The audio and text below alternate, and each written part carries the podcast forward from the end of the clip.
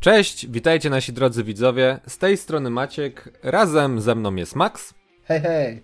I postanowiliśmy, z racji tego, że zarówno na naszej grupce, jak będzie za czwartą ścianą, pamiętajcie, link w opisie, y, jak i również na naszym kanale, w tym momencie celebrujemy miesiąc e, Wielkich Potworów. Maraton rozpoczęliśmy sobie od omówienia filmu Godzilla vs. Kong, e, starcia dwóch największych kaiju popkultury prawdopodobnie.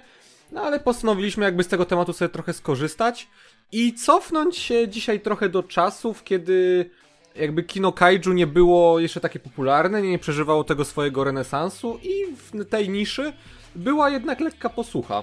Może na początku się tak ciebie spytam, jakie jest w ogóle twoje podejście do tych wielkich rzeczy, nie? Do wielkich potworów, wielkich robotów, tych spraw? Bardzo je lubię, jakby ja wolę filmy o wielkich bestiach niż wielkich potwor, wielkich robotach i wielkich bestiach.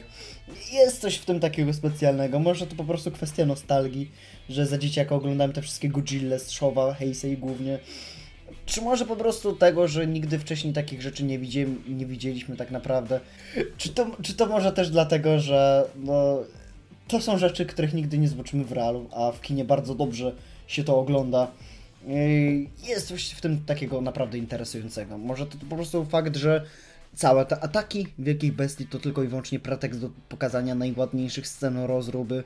Czy to też to, że lej, lubię zwierzaki, a większe zwierzaki to też coś dobrego. Ja w ogóle lubię dinozaury, lubię Godzilla, lubię Konga i ma to swój urok, ma to miejsce w moim serduszku. Teraz był świetny film Godzilla vs. Kong. Dałem mu serduszko na Filmwebie w ogóle, a mało daje filmom serduszko na moim koncie na Filmwebie, więc to jest coś, który był takim moim spełnieniem mm, tego, co chciałem bardzo zobaczyć, który jest takim odrodzeniem tego kina kaiju i nawet tak już więcej nie powstanie tych filmów, to ja jestem spełniony w zasadzie. I nie czuję też tej takiej posłuchy, no bo to nie są filmy takie jak, nie wiem, westerny czy superhero, gdzie możesz zrobić za małe pieniądze. No dobra, no poza Cloverfield Lane, ale on też swoje kosztował. Albo jeżeli po prostu, wie, albo wiesz, jeżeli na przykład pójdziesz w tym momencie drogą tych e, starych filmów, właśnie na przykład jak mówisz e, tam z serii Showa, nie? Znaczy ja też sobie zdaję sprawę, że wtedy te filmy pewnie były droższe, nie? Bo to były inne czasy, inne były metody kręcenia i, i te dekoracje kosztują.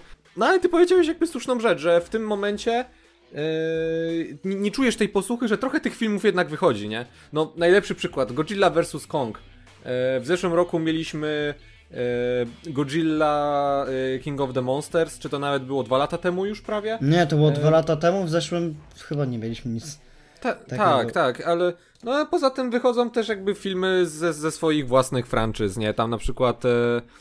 By, był ten film z The Rockiem, e, to się nazywał Rampage, co nie, to też w jakiś sposób czerpie trochę z tych filmów e, kaiju. Matko, no to, e, to było w ogóle na podstawie gry, kom, e, nie komputerowej, tej na, nie wiem, czy Commodora, czy który, e, retro gry, takiej naprawdę. Tak, gdzie rozpierdzielałeś budynki po prostu, nie, i...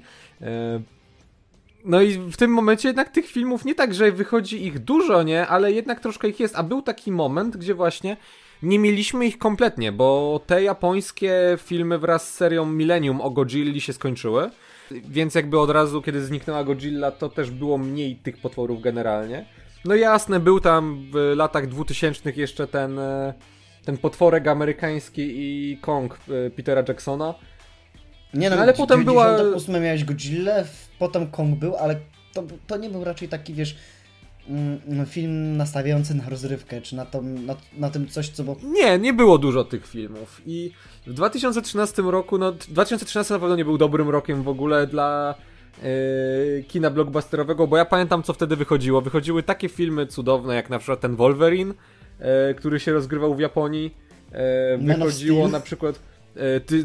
A to akurat dobre było, ale Tysiąc lat po ziemi wychodziło, Thor dwójka.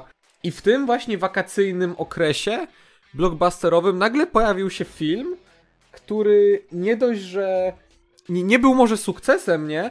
Ale okazał się czymś naprawdę dobrym, wbrew wszelkim oczekiwaniom. A przy okazji naprawdę moim zdaniem przetarł poniekąd szlaki. E, I mowa oczywiście o Pacific Rim, co już mogliście się domyślić z, z, miniaturki oczywiście, a my tak przedłużaliśmy tutaj sztucznie e, ten przepompowany potworami wstęp. No właśnie, wyszedł Pacific Rim w reżyserii, w, re, w reżyserii Guillermo E, Del Toro. I to może zacznijmy właśnie od ciebie. Jakie wspomnienia z Pacific Rimem? To po pierwsze, a po drugie, jak po rewatchu? Bo my rewatchowaliśmy te filmy specjalnie przed tym materiałem. A po pierwsze nie zobaczyłem go w ogóle w kinie, wolałem iść na Minionki i potem na Jeśli jest ta znikąd. Zobaczyłem go dopiero, nie wiem, tak rok po premierze, chyba na dystrybucji DVD. Zachwyciłem się w zasadzie, no bo podobał mi się cały ten koncept, podobało mi się to, że oni nie tyle co jadą na tym, wiesz, na tym schemacie wielkie mechy kontra wielkie potwory, co robią też wokół tego całą o, kulturę, całą mitologię tego. No dobra, nie robią, tylko robi Guillermo del Toro, największy fan w ogóle King Konga po, po, Peterze, po Peterze Jacksonie, największy fan chyba Gen Neon Genesis Evangelion, no i największy fan Godzilli też, której swojej nie dostał, ale jest bardzo dużo skojarzenia z tymi wszystkimi filmami, które tutaj wymieniłem, to są, nie są bezpodstawne, bo to jest wiel jeden wielki geek. I to jest film od takiego ogromnego fana dla fanów, coś pokroju właśnie Petera Jacksona w King Konga. Tak, film, e, film stary od fana dla fanów w momencie, kiedy ci fani od bardzo dawna nie dostali dobrego filmu właśnie z wielkimi potworami i jeszcze za tak, wiesz, horrendalnie duże pieniądze. Ten film wygląda po pierwsze jak, tak, jak, jak, taka gigantyczna laurka po prostu, nie? Gdzie Guillermo del Toro, który wiadomo, no tak jak powiedziałeś, to jest geek, e, to jest człowiek, który już e, swoje jakby w kinie udowodnił. On już na tym etapie nic nie musiał. Mógł iść do wytwórni, w tym, w tym czasie to jeszcze było Warner Bros. Yy, i poprosić e, właśnie o te 200 milionów na po prostu film, no który będzie trochę powrotem do tych e, klasycznych filmów z wielkimi potworami, a przy okazji taką wielką celebracją tego, nie? Tak jak my poniekąd celebrujemy to miesiącem wielkich potworów, on to celebrował tym jednym filmem. I moim zdaniem to, co zadziałało, to, że to naprawdę był faktycznie jeden film, nie? To nie miał być start uniwersum, to nie miał być początek żadnej serii, to był film stojący na własnych nogach, z bardzo prostą historią, z bardzo tak prosto linijnie nakreślonymi bohaterami, którzy jakby są z dykty, nie? To nie są e, jakieś bardzo rozbudowane postacie, ale to, to, to, nie o to w nich chodzi, nie? E, te, te postacie mają być tylko tym takim pomostem między nami a światem z tego filmu, e, żebyśmy my mieli jakieś swoje odniesienie, a tymczasem no wszystko się rozbija o te wielkie potwory, które wyglądają cudownie, mają e, genialne koncepty i w ogóle cała warstwa wizualna tego filmu no, no wygląda ślicznie po prostu jak się na to patrzy. E, plus wielkie roboty. Tak jak powiedziałem, wielkie potwory i wielkie roboty e, no to jest odjechany koncept, który naprawdę działa w tym filmie, a jeszcze się biją ze sobą. Tylko niestety, nie możesz mieć więcej... niestety wielkie roboty nie biją się ze sobą, ani wielkie potwory między sobą, ale to, to potem do, było dodane rewelacyjnie wygląda ten film nawet po rewatchu moim zdaniem. Okej, okay, jest parę niedoróbek, co zestarzał się troszeczkę, ale dalej mimo wszystko świetnie się to ogląda.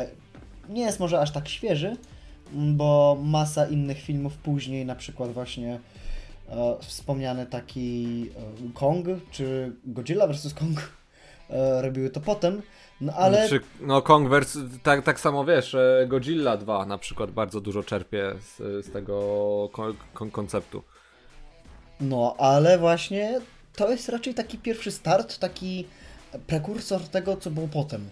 Nawet w, u Garetha Edwardsa było masa takich nawiązań do tych ujęć z Pacific Rimu. Tak, mi się nawet stary wydaje, że w pewnym e, stopniu dla, dlatego Warner, który nie był.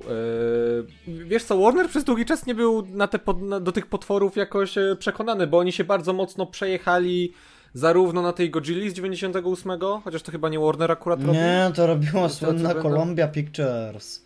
A, Kolumbia. No to przepraszam, tak tutaj trochę. Yy, Która potem chyba jeszcze dystrybuowała, dystrybuowała następny film za karę. Wtedy wszyscy wyciągnęli jakby z tego lekcję i jakby się okazało, że może te potwory jednak nie są dla wszystkich. Więc myślę, że ten Pacific Rim też miał być takim trochę przetarciem właśnie szlaku, nie? Bo na pewno już w 2013 roku powstawały plany na to Monsterverse, na tą Godzilla Edwardsa. Już tam pewnie była kręcona w jakimś e, stopniu i prawdopodobnie no chcieli sprawdzić, czy to się przyjmie. E, jak się okazało, się kompletnie nie przyjęło, bo film, który kosztował 200 e, milionów i trochę, z dużą kampanią do tego, no zarobił lekko ponad 400 milionów. I to, to, to nie jest dużo. Ja w ogóle kiedyś mi się zdawało, że obiło mi się o uszy, że Pacific Rim miał raczej mały budżet. E, I niektóre nawet rzeczy w tym filmie mi sugerują, że tak jest, bo mimo tego, że kaiju i te roboty, y, jegery, że one są na pierwszym planie, to jakoś tych ich starć nie ma szczególnie dużo w tym filmie. Dużo czasu spędzamy na ziemi y, z tymi bohaterami, dzięki czemu jasne, zdobywamy do nich sympatię i w sumie to jest jedyne czym oni stoją, nie?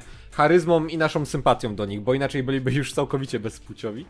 Yy, w pewnych momentach, nawet jeżeli. Mamy mało takich planów ogólnych, bym powiedział. Często zdarza się tak, że na przykład jest jakaś scena, gdzie biegnie sobie właśnie kaiju i wpada na niego Jäger i Jäger zasłania swoimi plerami połowę ekranu, tak żeby nie było nic widać. Poza tym wszystko jest e, po pierwsze w świetle neonków, które odwracają naszą uwagę. Neonki są piękne, wiadomo. No i deszcz. I jeszcze skąpane jest e, i w deszczu, i chmurach.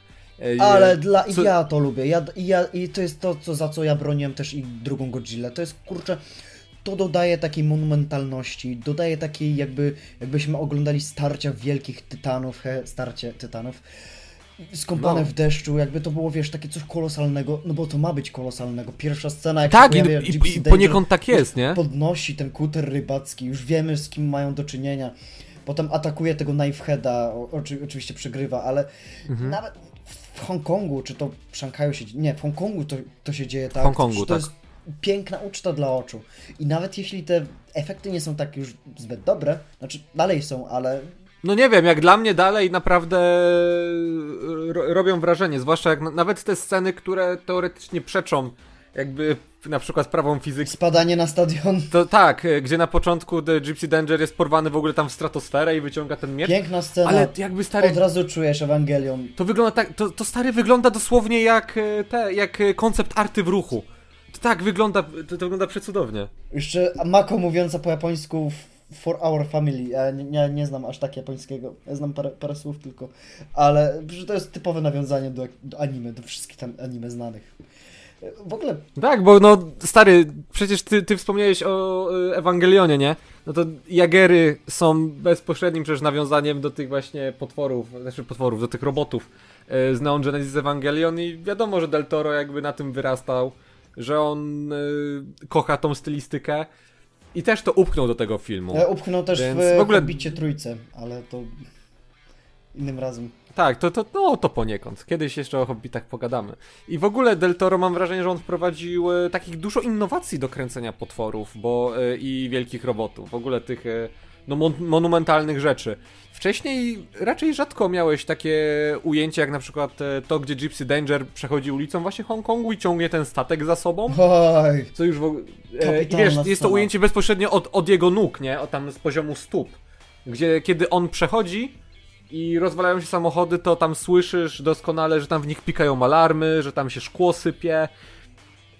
No i przy okazji są, te, e, są ci ludzie, którzy są bardzo potrzebni jakby w tym filmie. bo oni są, wiesz, to są potrzebni i nie narzekamy na to, że oglądamy wątki ludzi, dlatego że to oni są pilotami i to oni sterują właśnie jegerami.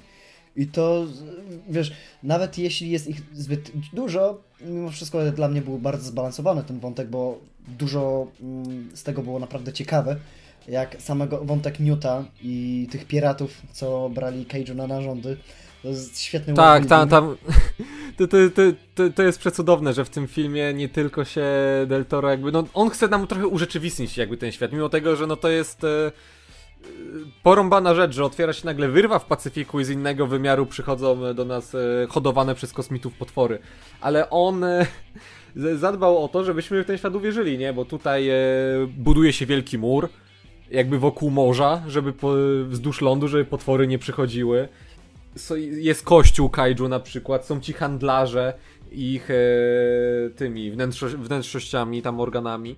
Naprawdę ten świat e, sto, stoi na solidnych nogach, nie? I on jest, nawet bym powiedział, że on jest poniekąd najciekawszą rzeczą w tym filmie, nie? O, w ogóle jeszcze z tych ciekawych rzeczy, to masz przy scenach akcji mm, te wszystkie um, wstawki komediowe, jak na przykład e, Gypsy przeciąga się z tym, tym Mopisho kolosem kamiennym, nie, nie pamiętam jego nazwa. Tak, akurat. tak, tak, no. E, Przyciąga się z nim przez pomost i, i dotyka tą boję, mm, gdzie jest mewa i ona odlatuje.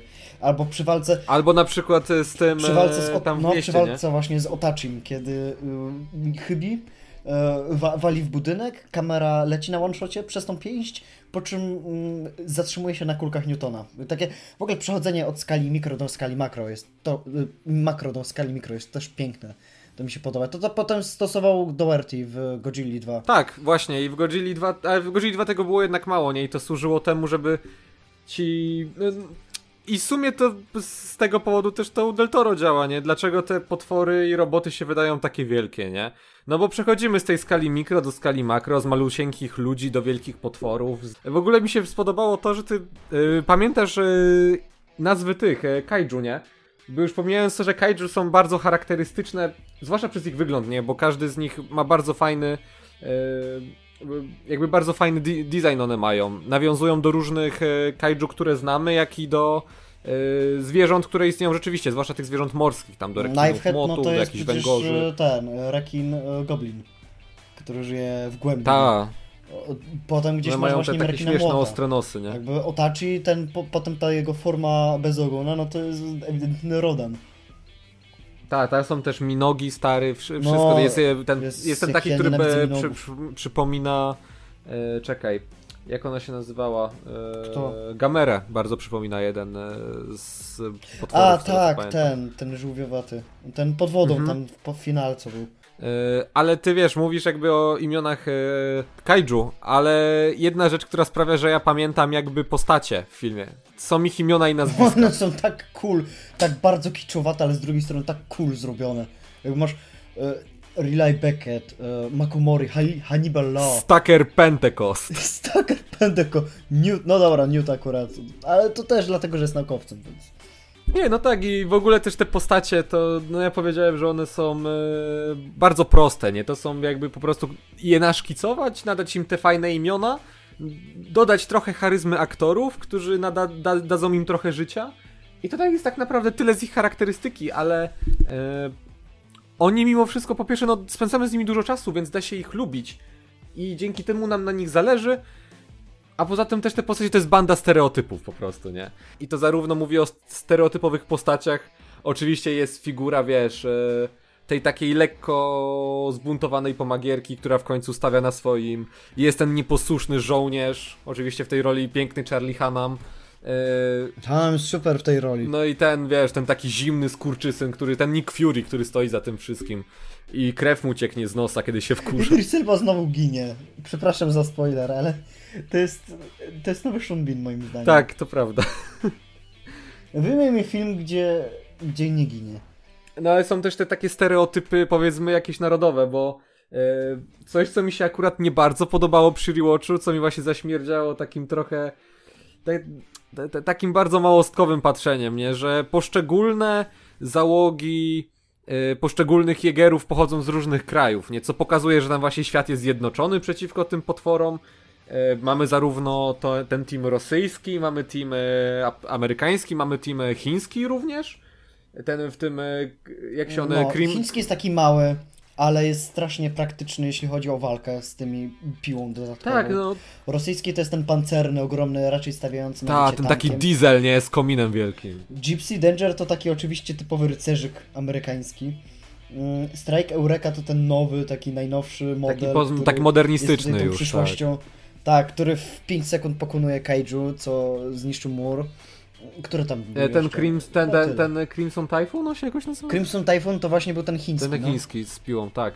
I, Tak, i, tak. co, I co mnie strasznie jakby martwi, to, że to mogłyby być fajne postacie, to mogłyby być fajne właśnie kaiju, które dzięki temu, że pochodzą z... Kaiju, e, jegery. E, To, że one pochodzą z, z różnych stron świata, te roboty i ich kierowcy, jakby to mogłoby im dać masę fajnego charakteru. Oni są kompletnie niewykorzystani. Oni się pojawiają w tym takim e, wprowadzeniu ekspozycyjnym i potem zdychają w przeciągu paru minut. I już nie wracają. Oni w ogóle nie mieli nawet okazji powalczyć sobie fajnie. I wszystko spada na tego biednego Gypsy Dangera finalnie. No to jest, znaczy wiesz, bo niby ma na ten napęd analogowy, ale Napęd z analogowy. drugiej s- no było tam, Tak, było, było, coś, coś co, ale z drugiej strony no, chciałoby się, jasne jest to spowodowane trochę cięciem budżetowym, I, ale mimo wszystko całkiem ładne mieliśmy sceny masakrowania Jägerów, to, to mi się podobało. No ale wiesz co, no, faktycznie jakby przynajmniej wiesz coś o tych postaciach i trochę ci było ich szkoda, kiedy umierali, nie? I, a tak samo kibicowałeś tej głównej dwójce, nie? Y, Mako i Rayleighowi, żeby jednak oni przeżyli, nie? Bo ich zdążyłeś polubić przez ten czas. I w ogóle oni mają taką strasznie fajną relację między sobą, yy, która te, też mi się wydaje, że to jest takie trochę mrugnięcie okiem od Del Toro, nie? Który w ogóle w tym, ten film to jest jedno wielkie mrugnięcie okiem swoją drogą. Jest totalnie samoświadomy i wie czym jest, nie udaje, że jest czymś innym i po prostu się bawi tą konwencją, jaką sobie przyjął. I bardzo dobrym dowodem jest właśnie relacja yy, Becketa i yy, Makomori, nie? Że ona jest przez cały film nam tak trochę zapowiadana, że to będzie relacja romantyczna, nie? Yy, że ona tam czeka i patrzy przez wizjer, czy może on nie, nie przyjdzie pod jej drzwi, czy się obejrzy za nią. A finalnie ta relacja dużo bardziej jakby przypomina relację yy, bratersko-siostrzaną, nie? Bo... Nie, no co ty, no kończy się typowo romantycznie, tym, takim joke'em. Ale kończy się tym przytulasem tak naprawdę tylko, nie? I to nie, i Makomori nie skończyła jako, wiesz, postać tej, tej dziewczyny głównego bohatera, to ta nagroda czy coś takiego, nie? No nie, no to prawda, no skończyli po prostu świętując razem, że mi się udało. To jest też highlight, moim zdaniem, tego filmu. Coś, co sprawiło, że ten koncept dosyć prosty, czyli po prostu wielkich robotów, yy, nagle po pierwsze nie jest już taki prosty, bo trzeba go jakoś ograć i trzeba dopisać pewne rzeczy. A przy okazji też yy, bardzo nam uwiarygadnia bohaterów. I to jest ten cały motyw yy, dryfu, tego driftu, nie? Co, co sądzisz o tym? To jest w ogóle super koncept. To jest, że żeby bohaterowie zaczęli współpracować, muszą się poznać nawzajem i muszą sobie zaufać. To jest walka na, wspólnej, na wspólnym zaufaniu, no bo jak wiadomo, no, jeden układ immunonerwowy nie jest w stanie e, udźwignąć e, Jegera, natomiast no, dwa tak. I to i musisz współpracować, żeby w ogóle coś osiągnąć. Musisz y, mieć dobrego partnera przy tym, tak jak w zasadzie w tańcu. To jest ładnie zrobione wykorzystali ten koncept moim zdaniem bardzo dobrze. Bo tam jest ten moment, kiedy Mako się waha i prawie sprowadza zagładę na marynarkę. Mm. No i to jest też coś, co potem zostało zatracone przy Uprising. Tak, i zaraz do tego przejdziemy, ale ten. Y, to jest coś, co zostało stracone przy Uprising i potem wróciło w Black. E, w, w jakiś sposób, ale motyw z tym dryfem w ogóle jest, jest naprawdę świetny, bo faktycznie to nie jest coś, co by bardzo ułatwiało scenarzyście zadanie. Jest to fajnie przemyślane jako coś w istocie nowego, e, coś, co sprawia, że do bohaterom od razu idzie trochę trudniej, ale z drugiej strony, kiedy oni właśnie na końcu, e, Mako i Rayleigh, tam wiesz, wychodzą z tych kapsuł i się przytulają, no to też wiesz dlaczego, bo są teraz takimi bliźniakami syjamskimi złączonymi umysłem w pewien sposób. Dzięki temu, że jakby okazało się, że w tym dryfcie są absolutnie kompatybilni ze sobą po prostu i dzięki temu też pasują do siebie także jako osoby. I to, to jest w ogóle świetnie przemyślane, że no tak samo, hej, jakby jedna, ludzkość musi się zjednoczyć przeciwko potworom, tak tutaj też oni się muszą zjednoczyć umysłami ze sobą. I, I, to jest świetnie przemyślane. I to wszystko zostaje ci streszczone w przeciągu jakby pierwszych tam 3-4 minut filmu. W ogóle sam film zaczyna się taką bardzo, te, taką bardzo banalną planszą, gdzie masz po prostu podpisane, czym jest kaiju i czym jest Jäger. I z jakich języków w ogóle się wychodzi, wywodzi to określenie. Masz ekspozycję całego filmu jakby streszczone w pierwsze 3-4 minuty. I to jest super. Że ten film się jakby... I potem rusza już z akcją do przodu, a nie ma jakichś momentów dużych. Tak patrzę na ciebie, e, Michaelu do, e, Doherty. Nie, no trochę jest ten... E, trochę jest jednak e, przydłużyzn. E, no to jest fajny film i fajny projekt, o którym warto było sobie pogadać. E, więc tak podsumowując jakby Pacific Rim, ok czy nie ok? Jak, jak działa dzisiaj, kiedy już jednak tych filmów z potworami mamy trochę więcej?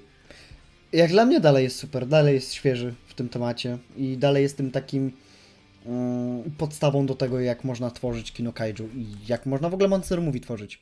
Z takim ładnym worldbuildingiem, zamkniętym filmem, mimo wszystko, że ma potencjał na wielkie uniwersum, to jednak tutaj się bardzo dobrze skupia jako jeden zamknięta historia, od początku do końca ładnie ciągnięta i no i scena po napisach jest super.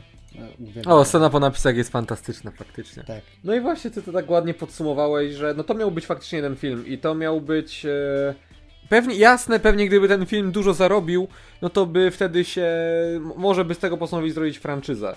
E, film nie zarobił szczególnie dużo, nie był szczególnie popularny i praktycznie jakby o nim zapomniano. Już tak naprawdę niedługo po premierze. Co pokazało tylko moim zdaniem, że jasne ten film zrobiono, żeby sprawdzić, czy te potwory kogokolwiek obchodzą, czy jest na nie jakaś publika. I okazało się w tamtym momencie, że nie bardzo. I na tym też potem cierpiały jakby kolejne filmy. Jasne, tam Kong na przykład zarobił, ale już Godzilla 2 kompletnie nie. Natomiast jeszcze warto wspomnieć, zanim przejdziemy do kolejnego punktu, o jednej rzeczy. E, film jest zadedykowany e, Ishiro Hondzie oraz e, Rayowi Harryhausenowi. Jak to określa Del Toro, mistrzom potworów. Więc mhm. to, to jest też taki piękny buziaczek posłany. I mówiąc szczerze, wtedy mnie trochę za serducho to łapie. Jak gdy oglądałem Pacific Rim teraz, to nie podobał mi się już tak jak za pierwszym razem. Jak za pierwszym razem go oglądałem jakoś w 2014 albo 2015 roku, no to byłem zachwycony właśnie tym, jakie fajne rzeczy jeszcze można zrobić z wielkimi potworami. I że to jest właśnie taki szczyt wszystkiego, co ja bym chciał dostać, taki wielki prezent. A jak teraz na to patrzę, kiedy tych filmów wyszło już trochę więcej, no to mam wrażenie, że dzisiaj, że, że Pacific Rim, gdyby nie ten szmyt reżyserski Del Toro i masa serducha, który w niego włożył, gdzieś by tam zniknął e, kompletnie i nikt by o nim nie pamiętał i no poniekąd tak się stało. Ale mimo tego dostaliśmy sequel. w roku 2018. Po latach, który bo najpierw Del Toro miał robić, ale potem chyba prawa poszły, potem prawa poszły do Universala. No i zrobili z filmu, który był raczej takim do wąskiego grona, film próbujący być takim po prostu typowym blockbusterem, raczej dla młodzieży. Spoiler nie wyszedł. Nie, nie, nie, nie, nie udało się kompletnie. I to, e, wiesz co, ja to mogłem sobie zostawić na podsumowanie, ale ja to powiem teraz. Jak oglądałem go za pierwszym razem, to ja aż, na, ja, ja aż starałem się sobie wmówić, że mi się ten film podoba. Aż starałem się na siłę bawić dobrze, bo miałem takie, że kuźwa, to jest jednak Pacific Rim, nie? Jakby, no, wielkie roboty, wielkie potwory, powinno mnie to bawić. Dlaczego mnie nie bawi?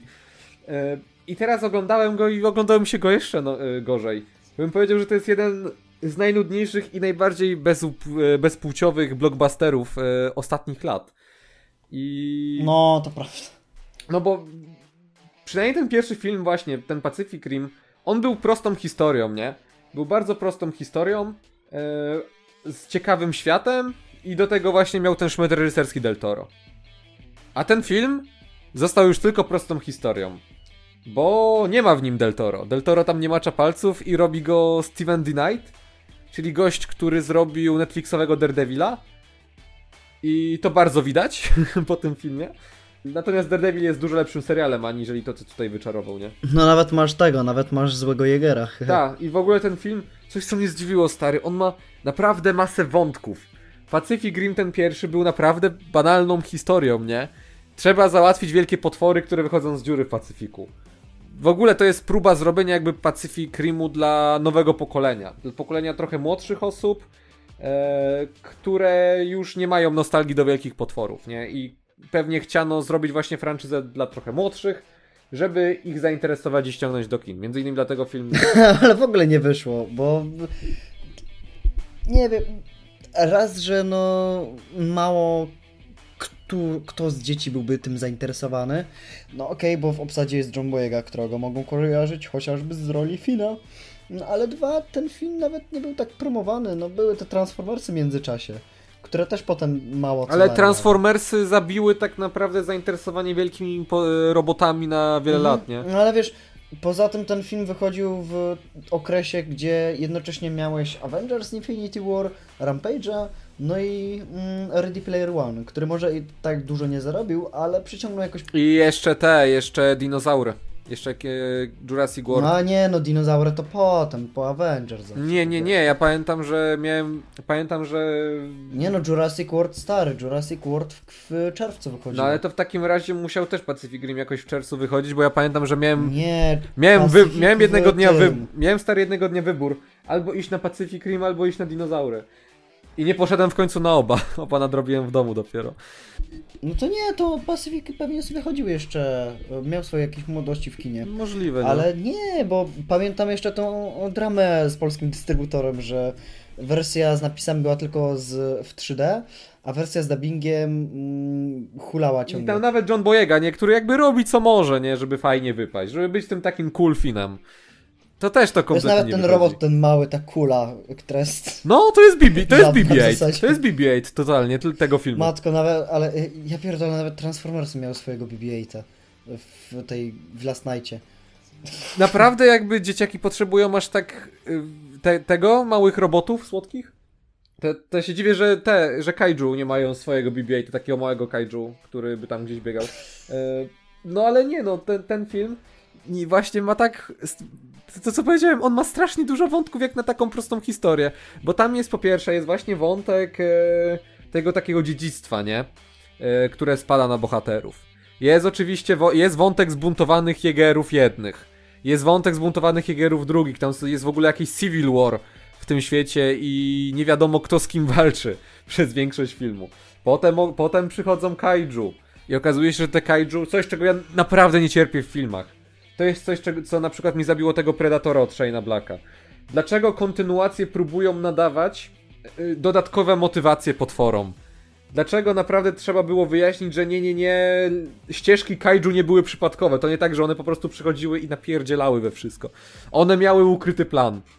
I że tak naprawdę ci prekursorzy też mają ukryty plan.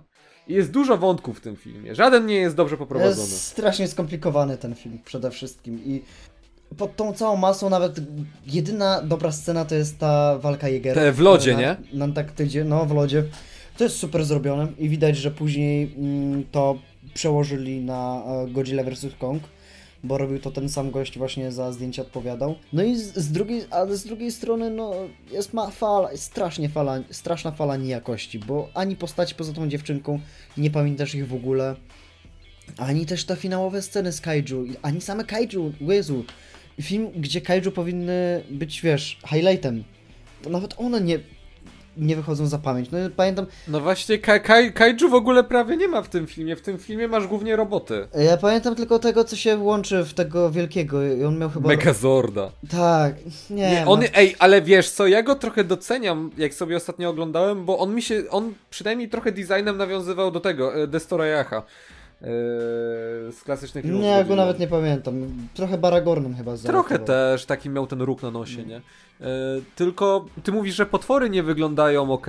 Jagery też nie wyglądają jakoś dobrze.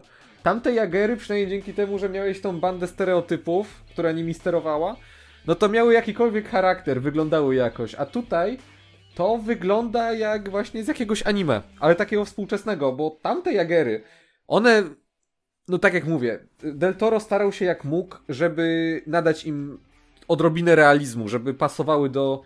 żeby je jakoś ustanowić w tym świecie. One były wielkie, były ciężkie, ruszały się mozolnie. A te jegery, one se wiesz, biegają, rzucają się jakimiś kulami, robią salta. Masz masę niepotrzebnego slow motion. Tam w ogóle jakiś jeger jak Naruto skacze, odbija się od budynku i uderza w kaiju. I wiesz, też bohaterowie w ogóle się nie martwią tym, że rozpierniczają całe miasto w zasadzie. Jasne, trzeba pokonać kaiju, żeby... Ale oni, wiesz, oni, ja sobie wyobrażam tych biednych, tych biednych e, Chińczyków, którzy nie zdążyli schować się do schronów. I jak, wiesz, ta banda nastolatków w zasadzie ich masakruje. O, i właśnie, e, bohaterami filmu są nastolatkowie, bo jest to film te, skierowany do tej grupy PG-13, bym powiedział. Ja nie mam żadnego problemu w tym. Problem jest w tym, znaczy ja nie mam żadnego problemu z tym, że no, są nastolatkowie. Jednak no mm, są niejacy strasznie. Tak, i to jest problem, nie, nie, nie to, że oni mają po te 13-14 lat, bo dałoby się zrobić właśnie fajne, młode postacie, które byłyby o tyle spoko, że gdyby, załóżmy ten film zarobił, w jakimś alternatywnym świecie by zarobił i by się z tego zrobiła jakaś franczyza, no to wiesz, ci boha- z tymi bohaterami by potem dzieciaki dorastały przez lata. I w kolejnym filmie oni byliby starsi, i potem przekazaliby pałeczkę kolejnemu pokoleniu, i wyszłaby ci taka właśnie fajna międzypokoleniowa historia. I chyba też taki był zamysł w tym filmie, żeby odmłodzić obsadę, a przy okazji powiedzieć, że to jest to kolejne pokolenie. Kolejne pokolenie dla kolejnego pokolenia. I to kompletnie nie działa. To kompletnie nie działa, bo ten film jest tak nijaki, pozbawiony jakiegokolwiek stylu i z generycznymi scenami akcji, że ja pierniczę. No to możemy sobie teraz w zasadzie przejść do kolejnego raczej spin-offu. Tak, tak. Bo nie kontynuacji. O, bo po raz kolejny okazało się, że ta marka jest w tym momencie trochę dla nikogo. Wcześniej przynajmniej była dla fanów kaiju. W tym momencie no, ci fani kaiju jakby dostali taki trochę wybrakowany produkt, który był, no tak jak mówiłem, dla nikogo. E, ale ku mojemu zdziwieniu okazało się, że najwyraźniej Universal kurczę próbuje z tymi pacyficznymi, pacyficznymi y, rymami dalej. E, I w tym roku dostaliśmy na Netflix e, serial w stylistyce anime, ale jakby no nie oszukujmy się, jest to serial produkcji amerykańskiej całkowicie. E, Pacific Rim The Black. Tam w polskim tłumaczeniu widziałem, że Pacific Rim Czarna Strefa. I warto zaznaczyć, to jest właśnie seria, która utrzymuje konwencję anime. Styl kre kreska, która w nim występuje, mimo tego, że opiera się na modelach 3D jest rysowana i przypomina właśnie bardzo y, to, co oglądamy w bajkach z Dalekiego Wschodu. No i do tego jeszcze jest takim, powiedziałbym, soft rebootem, nie? Y, który z jednej strony y, trochę czerpie motywów z Uprising i też próbuje być taki trochę młodzieżowy, a z drugiej strony jest kompletnie. A z drugiej strony idzie w inne tak, rejony całkiem. Który nie? jednak, wiesz co? O, Uprising, nie, nie, Black. Tak, Pacific Rim the Black. Który konceptualnie wygląda ok, jakby naprawmy błędy, e, to za, zalejmy betonem to, co robił Uprising. Problem w tym, że to dalej brzmi jak Uprising i to dalej jest Uprising. Tylko, że w anime. Jakby 3D super pasuje w momencie, kiedy są starcia mm, robot, kiedy są starcia z kaiju. Bo to wtedy nadaje naprawdę dużej dynamiczności. Nadaje takiej... Ja strasznie pamiętam, narzekałem na pewne sceny w niektórych animacjach 2D, które tam 15-klatkowość mm, troszeczkę o, umywała urokowi, temu spektakularności w niektórych filmach. Tutaj jest super, tylko że no właśnie wątki ludzi mogłyby być spokojnie zrobione dwuwymiarowo, według mnie. I nic by na tym nie straciło. Tak, i, i, i, zostawić trójwy, i zostawić trójwymiarowe tak. Jagery tylko. I no i więc, wiesz, ale to tak z drugiej strony, no jak mamy te walki, to tak aż zatęskniłem za tym brudem, za jakąś taką, wiesz, mm, czymś specjalnym. No ta finała jeszcze była ok, ale za tym jakimś takim specjalnym mm, ręką tego Del Toro, że brakowało mi jakiegoś zaskoczenia. No to na początku jeszcze było spoko zabijanie e, kaiju, tego co szarżował na tym y, przepaści, ale nawet, nie wiem, nawet nie ma takiej dobrej muzyki. No jest ta, która próbuje w intrze być coś jak u tego, u Del Toro, u Dramina Javadiego. Ale to też nie pasuje, jakby pokazuje mi ten film, jak bardzo tęskniłem za poprzednim, y, za mm, pierwotnym wersją Del Toro. Próbuję coś nowego, bo to rodzeństwo nawet jest ok, mimo że wątek tej dziewczyny przychodzi strasznie sztampowo, strasznie porywcza ale z drugiej strony no, mamy też niepełną historię według mnie. I to jest też takie trochę powielanie błędów tego, czym był Godzilla Singular Point. Znaczy, o, Godzilla to jeszcze. Ja, ja na przykład jeszcze Godzilla nie widziałem, bo w ogóle nas Netflix polski. Jezu, nie, sorry, nie Singular Point, przepraszam. Godzilla, Godzilla Earth. Planet Godzilla of Terror. Godzilla Earth, tak. Tak. Ja, ja nie mam za złe, no bo jest masa anime, która e, strasznie kończy się nie, nie ten. Mm, strasznie kończy się niekompletną historią i na przykład siedzenie ich musimy oglądać przez 8 lat, jak to było w przypadku chociażby Helsing Ultimate, gdzie jeden odcinek godzinny wychodził co roku i też się kończył za, czasami cliffhangerami. No ale tutaj mimo wszystko, no nie. Wolałbym w zasadzie kolejnego Ewangeliona obejrzeć niż e, kolejnych kaiju. Mimo, że te potwory są jakoś ładnie zrobione, to też żaden jakoś się nie wyróżnia, bo ich jest sporo. I, I to jest też wada tego. Jakby też walk jest sporo, moim zdaniem. No i jeszcze, ja wiem, że to pierdoła i to już takie, wiesz, naprawdę mocne czepiastwo, ale w momencie, kiedy nasi bohaterowie się odzywają, też zatęskniłem trochę za japońskim, mimo wszystko z tą kreską. Nie wiem, chyba za, za dużo anime widziałem, albo za mało, ale też się przyzwyczajam. Nie jestem też wielkim fanem Amerykan anime i tych dobrych, które mi się podobało, mogę wyliczyć na palcach też jednej No nie, nie jest dużo, ale w ogóle ja bym po... Jakby, no. To nie jest tak, że to jest zły serial czy coś to może być dobry serial, gdyby go rozwinąć. Tylko, że problem w tym, no, po co rozwijać, jak mogliście zamknąć to w takim naprawdę siedmioodcinkowym, ładną historię. Bo to nawet na film by starczyło. Wiesz co, no prawda jest właśnie taka, że no to jest serial 7 y, odcinków po 20 minut i to spokojnie myślę, że można byłoby z tego zrobić właśnie 2,5 godzinny film, nawet animowany, nie? Jak już nie chcieliście ryzykować, e, panie Universal, budżetem na kolejny film, który mógłby się nie sprzedać, no to zrobić właśnie 2,5 godzinną animację, myślę, że to spokojnie by można było obejrzeć. I w ogóle to dla mnie nie było zaskoczenie, że ktoś próbował zrobić z tego anime, bo sporo rzeczy dostaje w obecnych czasach swoje spin-offy anime. Wiemy, że na przykład Cyberpunk nawet ma swoje własne anime dostać. Również... Ale to jest dobre, bo wiesz co, bo to, no. Yy, dlatego, że raz, no, nie dostaniesz na przykład takich wielkich kontynuacji jak Blade Runnera, a dwa, że możesz całkowicie, w anime nie masz takiego ograniczenia ze wszystkim. Możesz sobie o, jasne jest ograniczenie też budżetowe w ilości efektów, jakie chcesz zrobić w anime, ale to też dlatego, że możesz, możesz naprawdę więcej rzeczy zrobić niż przy użyciu aktorów. A dwa, że możesz też ładnie ciągnąć tę samą historię. No i plus wiesz, sama jakby stylistyka anime przez to, że ona jest e, dziwna i także nieprzystępna dla wszystkich, to tam możesz e, eksperymentować bardzo śmiało mhm. z różnymi rzeczami, e, z formą, z treścią i mm, tylko ja byłem zdziwiony, że jakby to nie jest anime takie stricte rysunkowe, że to właśnie jest oparte na modelach 3D. No i mi jakby osobiście one nie przeszkadzają, bo ja widziałem dużo anime, które na, tej, na tym się opiera. E, w ostatnim sezonie Ataku Tytanów mieliśmy bardzo dużo użycia CGI na przykład. E, Berserk był w CGI, bardzo złym CGI, ale nadal. E, czy, czy na przykład Beastars na przykład. To jest taki też wychodzący dla Netflixa anime dla furasów więc jakby do tego byłem przyzwyczajony, natomiast ja sobie zdaję sprawę, że to też był zabieg po to, żeby jednak to zrobić tanio, nie?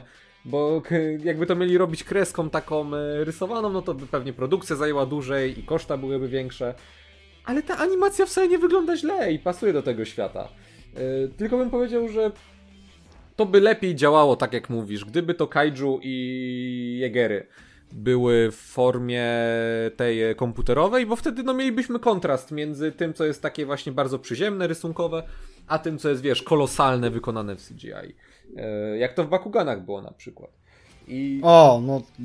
I kurczę, ale ja mimo wszystko lubię Pacific Rim The Black. I jeżeli mam być szczery, to w tym momencie to jest moja ulubiona rzecz jakby z tego uniwersum. E, ja to obejrzałem w jedną noc w ogóle, nie? Bo ja obejrzałem pierwszy odcinek się tak wkręciłem. Ja tak polubiłem tych nowych młodych bohaterów, bo oni. No i ich jest e, dwójka plus jeden chłopczyk, niemy, który biega za nimi od e, czwartego chyba odcinka. Tak. E, który jest. jest totalnie zbędny. To jest stereotyp dziecka w postapu. Tak, jakby... musisz mieć to dziecko w postapu, mieć... które, o które wiesz, musisz się martwić, o które musisz dbać, ale w razie czego no, ono ci e, pomoże, ale nie? Je, jeszcze nie ma, jak na przykład, nie wiem, Nowa w Planecie Małp. Tak. O, niezły chciałem Eli powiedzieć, Laura w Loganie, czy kto to tam jeszcze był? Tak, ale wiesz co, to nie jest przynajmniej ten motyw, na przykład właśnie, którego ja bardzo nie lubię, czyli stary skurczyl i mała dziewczynka. Tak. Tylko tym razem mamy dwójkę młodych bohaterów i to też służy fajnie temu, że no, oni są kompletnie niedoświadczeni w sterowaniu Jagerem, przez to możemy jakby, wiesz, dla no, ludzi, no, którzy w to wchodzą, przypomnieć, jak to wszystko działa, na czym polega dryf, dlaczego jakby jest taki ważny, dlaczego ta kompatybilność jest taka istotna e, w przypadku pilotów. No i przez to, że to są jakby dzieci, nie? E, które są trochę sfrustrowane swoją sytuacją, które trochę straciły dzieciństwo, e, które są właśnie, tak jak powiedziałeś, bardzo impulsywne, nie? Ale też się troszczą nawzajem o siebie i mają bardzo fajną. Też znów się cieszę, że to tak jak z Mako i Rayleyem, nie? Że nie ma jakiejś romantycznej relacji, tylko że tutaj mamy faktycznie siostrę i brata, nie? Mamy. I ja totalnie jakby wierzę w to, że oni siebie chcą nawzajem wspierać i wiarygodna jest dla mnie ta relacja. Bardzo ją lubię. I lubię też to, że ten y, serial jakby nie bardzo przegina też że nie mamy czegoś takiego bardzo widowiskowego, że sporo na przykład czasu spędzamy raczej bliżej Ziemi. I że bohaterowie. No i to jest o wiele dobre. Tak.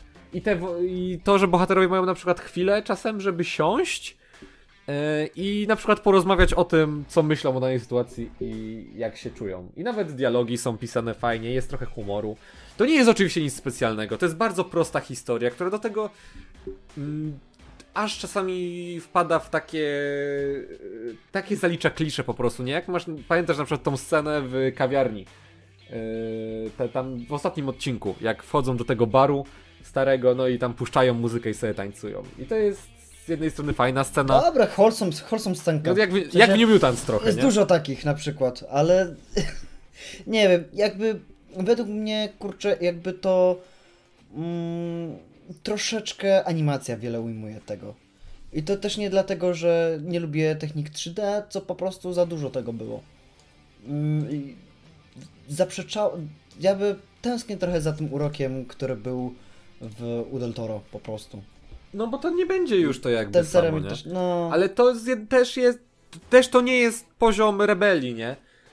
Ma to dzięki tej animacji 3D chociaż odrobinę własnego stylu, nie? I na przykład ty powiedziałeś, że muzyka cię tutaj nudzi i okej, jasne, to nie jest ten Ramin Djawadi, No nie? jest, no są takie popuczy Ale- ale, ale- próbuje być, ale No nie wiem, stary, ja uwielbiam muzykę w tym. Ja sobie z automatu jakby pobrałem ścieżkę i zawsze jak ja oglądałem napisy końcowe bez przewijania, bo ta nutka, która tam wlatuje na napisach końcowych jest zajebista, jak te, ta, ta czterostrunowa, cztero, tfu, yy, ośmiostrunowa gitara basowa tam wjeżdża, nie ta elektryczna, taka jak przy, jaką wykorzystywał chłop, który robił muzykę do Duma.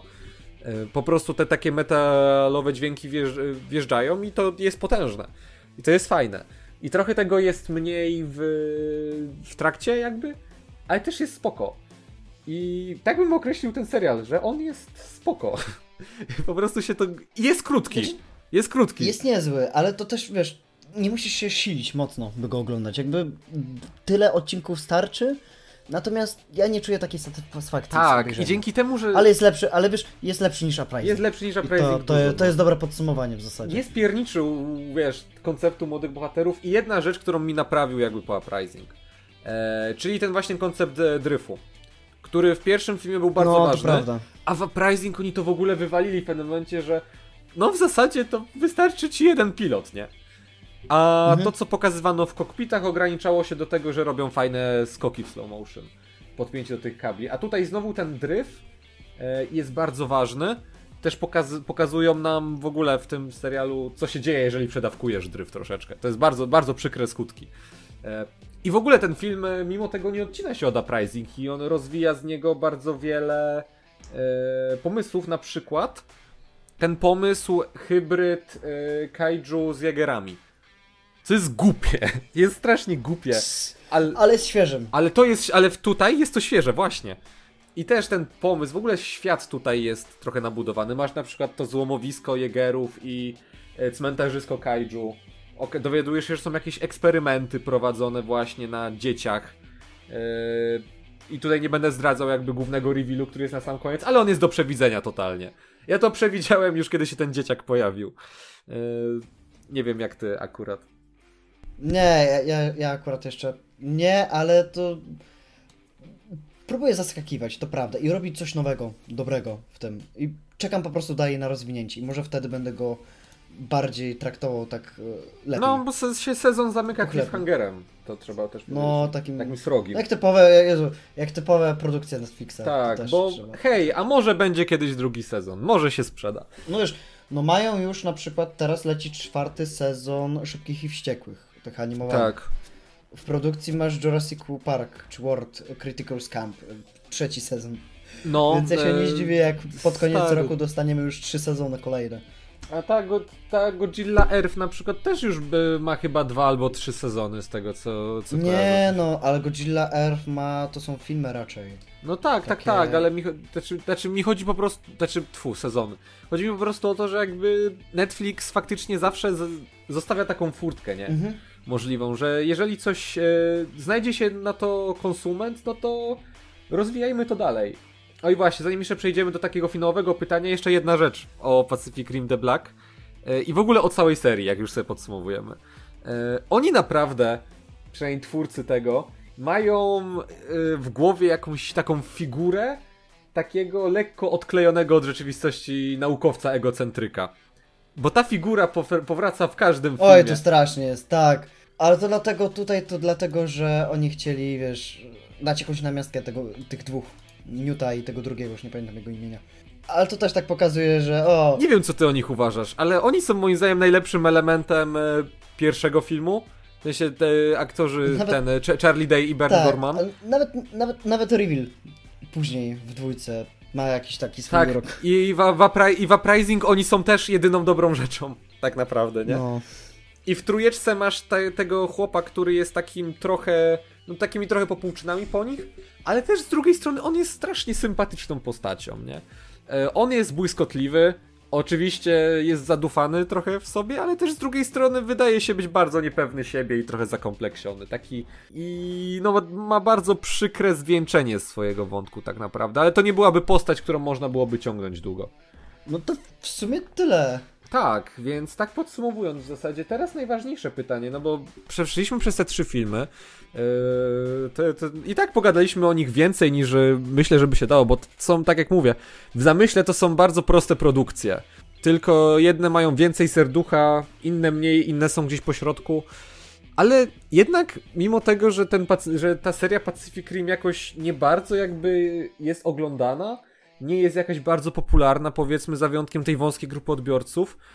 Kurczę, oni nadal jakby to cisną, nadal z tym próbują i czy myślisz, chociażby po tym e, właśnie Pacific Rim Black, które naprawdę jak dla mnie wygląda jak e, jakiś prequel powiedzmy do filmu, który dopiero powstanie, do filmu aktorskiego.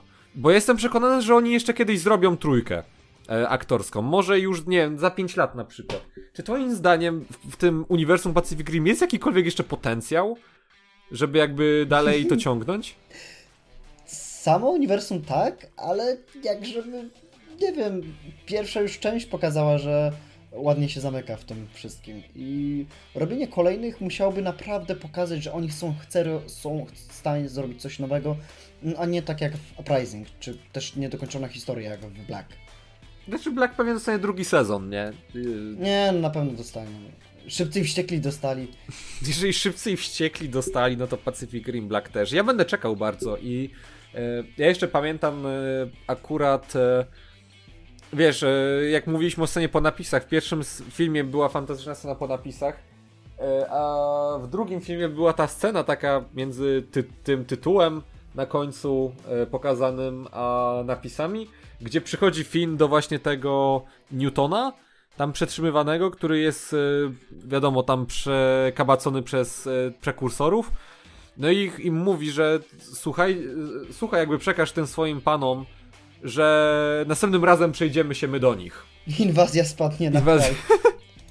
I mówiąc szczerze, w tym momencie to jak dla mnie jest absolutnie już jedyna opcja, żeby to jeszcze jakoś rozwinąć, bo Pacific Rim Black pokazało, że pewne pomysły da się rozwinąć, jak na przykład z tym chłopcem, w jakiś sposób, jak z tym, z tą hybrydą, jak z tymi malutkimi kaiju, które są całkowicie zbędne dla fabuły, no ale okej, okay, niech sobie są.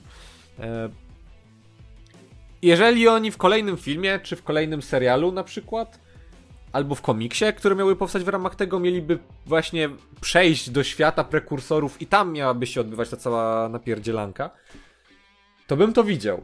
Ale poza tym, póki co nie wiem, czy jakby tego owocu da się wycisnąć jeszcze jakikolwiek sok, nie? Nie, no to w zasadzie to wiesz, to nie ma sensu na razie ciągnąć tego. Godzilla na razie ładnie zamknęła. Mm, pokazała, że ładnie można, że jest teraz mało do powiedzenia w temacie. Tak, no, nie, nie dość, że mało jest do powiedzenia, to mam wrażenie, że też nie ma dalej publiki na to. Jasne, Kong zarobił, nie? Ale czy, czy tylko mi się zdaje, że on zarobił głównie dlatego, że jakby ludzie byli wypuszczeni ponownie od blockbusterów jednak wielkich z dużymi potworami. My sobie możemy mówić, że lubimy te filmy, lub ich nie lubimy. Możemy kochać pierwszą część, ja mogę kochać The Black, yy, również tam połówką serca. Yy, ale mówiąc szczerze, Pacific Rim teraz stoi w takim punkcie, że ciężko mi jest sobie wyobrazić, co jeszcze by mieli zrobić, żeby jakoś przyciągnąć publikę. Ale ja jednak liczę, że może ktoś przyjdzie jak Del Toro, nie?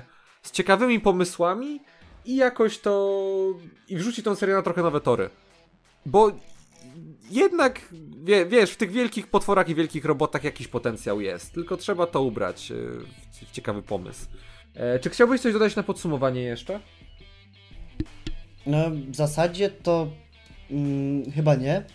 Natomiast to, że kurczę, też oglądając pierwszy Pacific Rim, to jest o wiele lepiej zrobione niż Transformersy, wszystkie inne. A mimo, że były też porównywalne do tego. Ej, to- Same roboty. Chciałbym zobaczyć może Crossa z Optimusem Prime'em. Ja bym chciał zobaczyć Crossa, wiesz, e, Pacific Rim e, kontra Monster. Tylko nie mów, że z Godzilla. Godzillą. Zobaczyłbym. No nie, no proszę. Znaczy ja wiem, że... Miałeś, to... miałeś Godzilla. Dobrze. Miałeś mecha Godzilla, zostaw już to. Ale o tym sobie więcej pogadamy w innym materiale, już tak stricte o wielkich potworach. Natomiast serię Pacific Rim chyba sobie obgadaliśmy, zrewatchowaliśmy. E... Nasze spojrzenie się wiele nie zmieniło, mam wrażenie. Natomiast Pacific Rim Black nam udowodnił, że póki co ta seria trochę tkwi w takim martwym punkcie i nie w takiej czarnej strefie, o, jak sugeruje nam tytuł. E, więc to są nasze wnioski. E, dziękujemy Wam bardzo za wysłuchanie materiału. E, ze mną był Max, oczywiście, prawdziwy król potworów. Siema, siema. Natomiast ja byłem Maciek i trzymajcie się do kolejnego właśnie materiału z serii o wielkich potworach. Mamy zaplanowane parę takich rzeczy. Niestety właśnie z Godzillą Singular Point się nie uda, bo polski Netflix nas trochę wyruchał i dopiero do nas tra... Przenieśli. tak, przenieśli, na czerwiec. Niestety. Więc się no nie zmieści. Dobra, będzie co innego. Będzie głębia oceanu z wielką kałamarnicą. Albo Atlantic Rim. E, e, na przykład. Atlantik. Musimy pogadać o tym, ale nie chcę tego oglądać. Ale pogadamy o Kiedyś tak. tym. Dobra. Tak. I, I tym pozytywnym akcentem kończymy. E, trzymajcie się. Cześć.